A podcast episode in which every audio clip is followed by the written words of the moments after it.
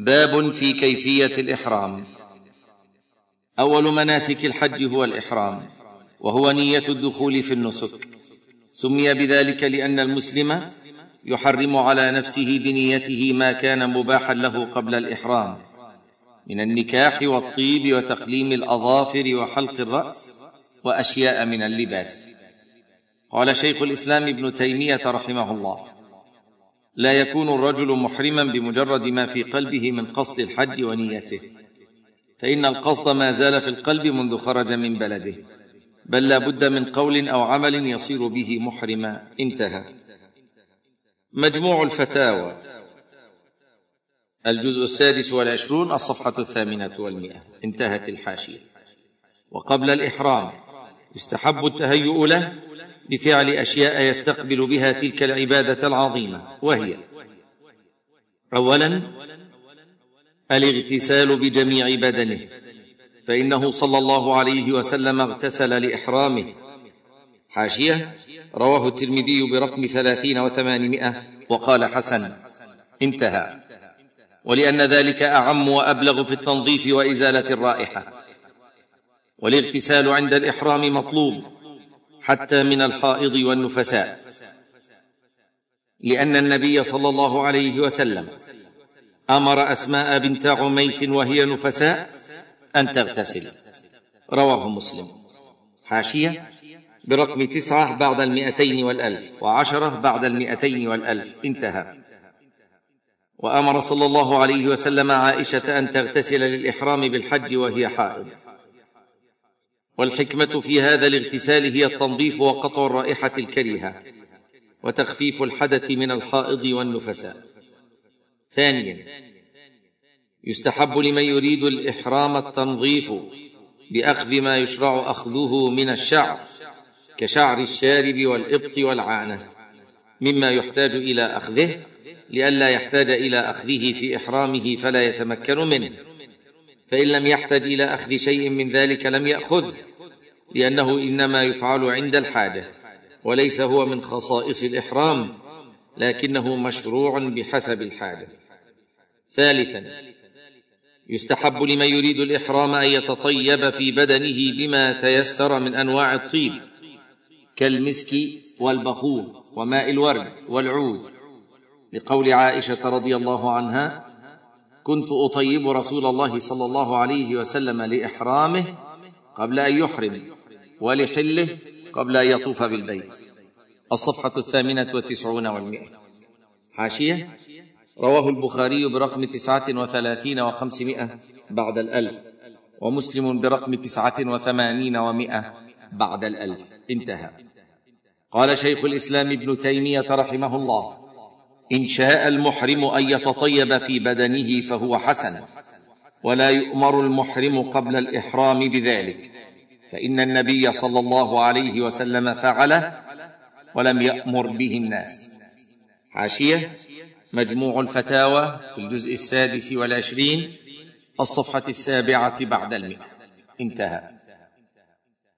وإنما يستحب للذكر قبل الإحرام أن يتجرد من المخيط وهو كل ما يخاط على قدر الملبوس عليه أو على بعضه كالقميص والسراويل.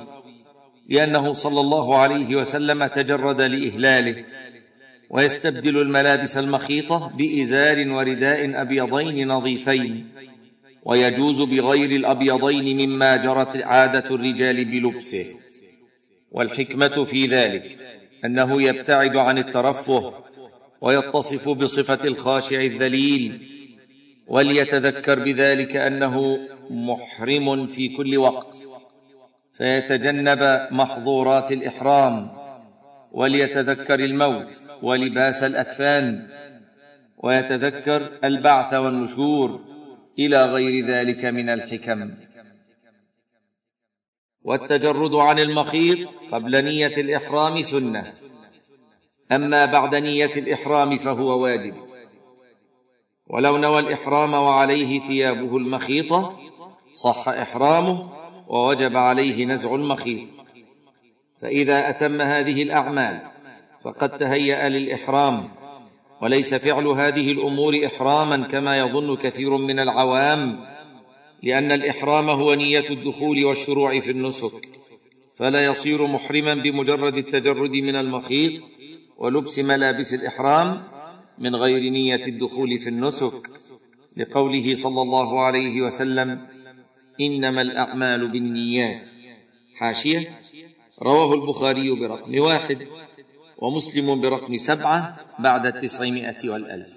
انتهى. أما الصلاة قبل الإحرام فالأصح أنه ليس للإحرام صلاة تخصه لكن إن صادف وقت فريضة أحرم بعدها لأنه صلى الله عليه وسلم أهل دبر الصلاة. وعن أنس أنه صلى الظهر ثم ركب راحلته. حاشية انظر لمسلم برقم أربعة وثمانين ومائة بعد الألف. انتهى. قال العلامة ابن القيم رحمه الله ولم ينقل عنه صلى الله عليه وسلم أنه صلى للإحرام ركعتين غير فرض الظهر. حاشية في زاد المعاد في جزئه الثاني الصفحة السابعة بعد المئة. انتهت. وهنا تنبيه لا بد منه وهو أن كثيرا من الحجاج يظنون أنه لا بد أن يكون الإحرام من المسجد المبني في الميقات. فتجدهم يهرعون إليه رجالا ونساء ويزدحمون فيه وربما يخلعون ثيابهم ويلبسون ثياب الإحرام فيه وهذا لا أصل له. والمطلوب من المسلم أن يحرم من الميقات في أي بقعة منه لا في محل معين بل يحرم حيث تيسر له وما هو أرفق به وبمن معه. وفيما هو أستر له وأبعد عن مزاحمة الناس. وهذه المساجد التي في المواقيت لم تكن موجودة على عهد النبي صلى الله عليه وسلم ولم تبن لأجل الإحرام منها. وإنما بنيت لإقامة الصلاة فيها ممن هو ساكن حولها. هذا ما أردنا التنبيه عليه. والله الموفق. الصفحة التاسعة والتسعون والمئة. ويخير أن يحرم بما شاء من الأنساك الثلاثة. وهي التمتع والقران والإفراد. فالتمتع أن يحرم بالعمرة في أشهر الحج ويفرغ منها ثم يحرم بالحج في عامه. والإفراد أن يحرم بالحج فقط من الميقات ويبقى على إحرامه حتى يؤدي أعمال الحج.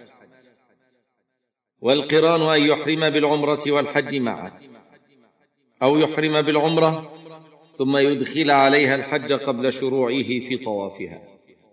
فينوي العمرة والحج من الميقات أو قبل الشروع في طواف العمرة ويطوف لهما ويسعى. وعلى المتمتع والقارن فدية إن لم يكن من حاضر المسجد الحرام. وأفضل هذه الأنساك الثلاثة التمتع لأدلة كثيرة. فإذا أحرم بأحد هذه الأنساك لبى عقب إحرامه فيقول لبيك اللهم لبيك لبيك لا شريك لك لبيك إن الحمد والنعمة لك والملك لا شريك لك ويكثر من التلبية ويرفع بها صوته. لا زلنا في الصفحة التاسعة والتسعين بعد المئة.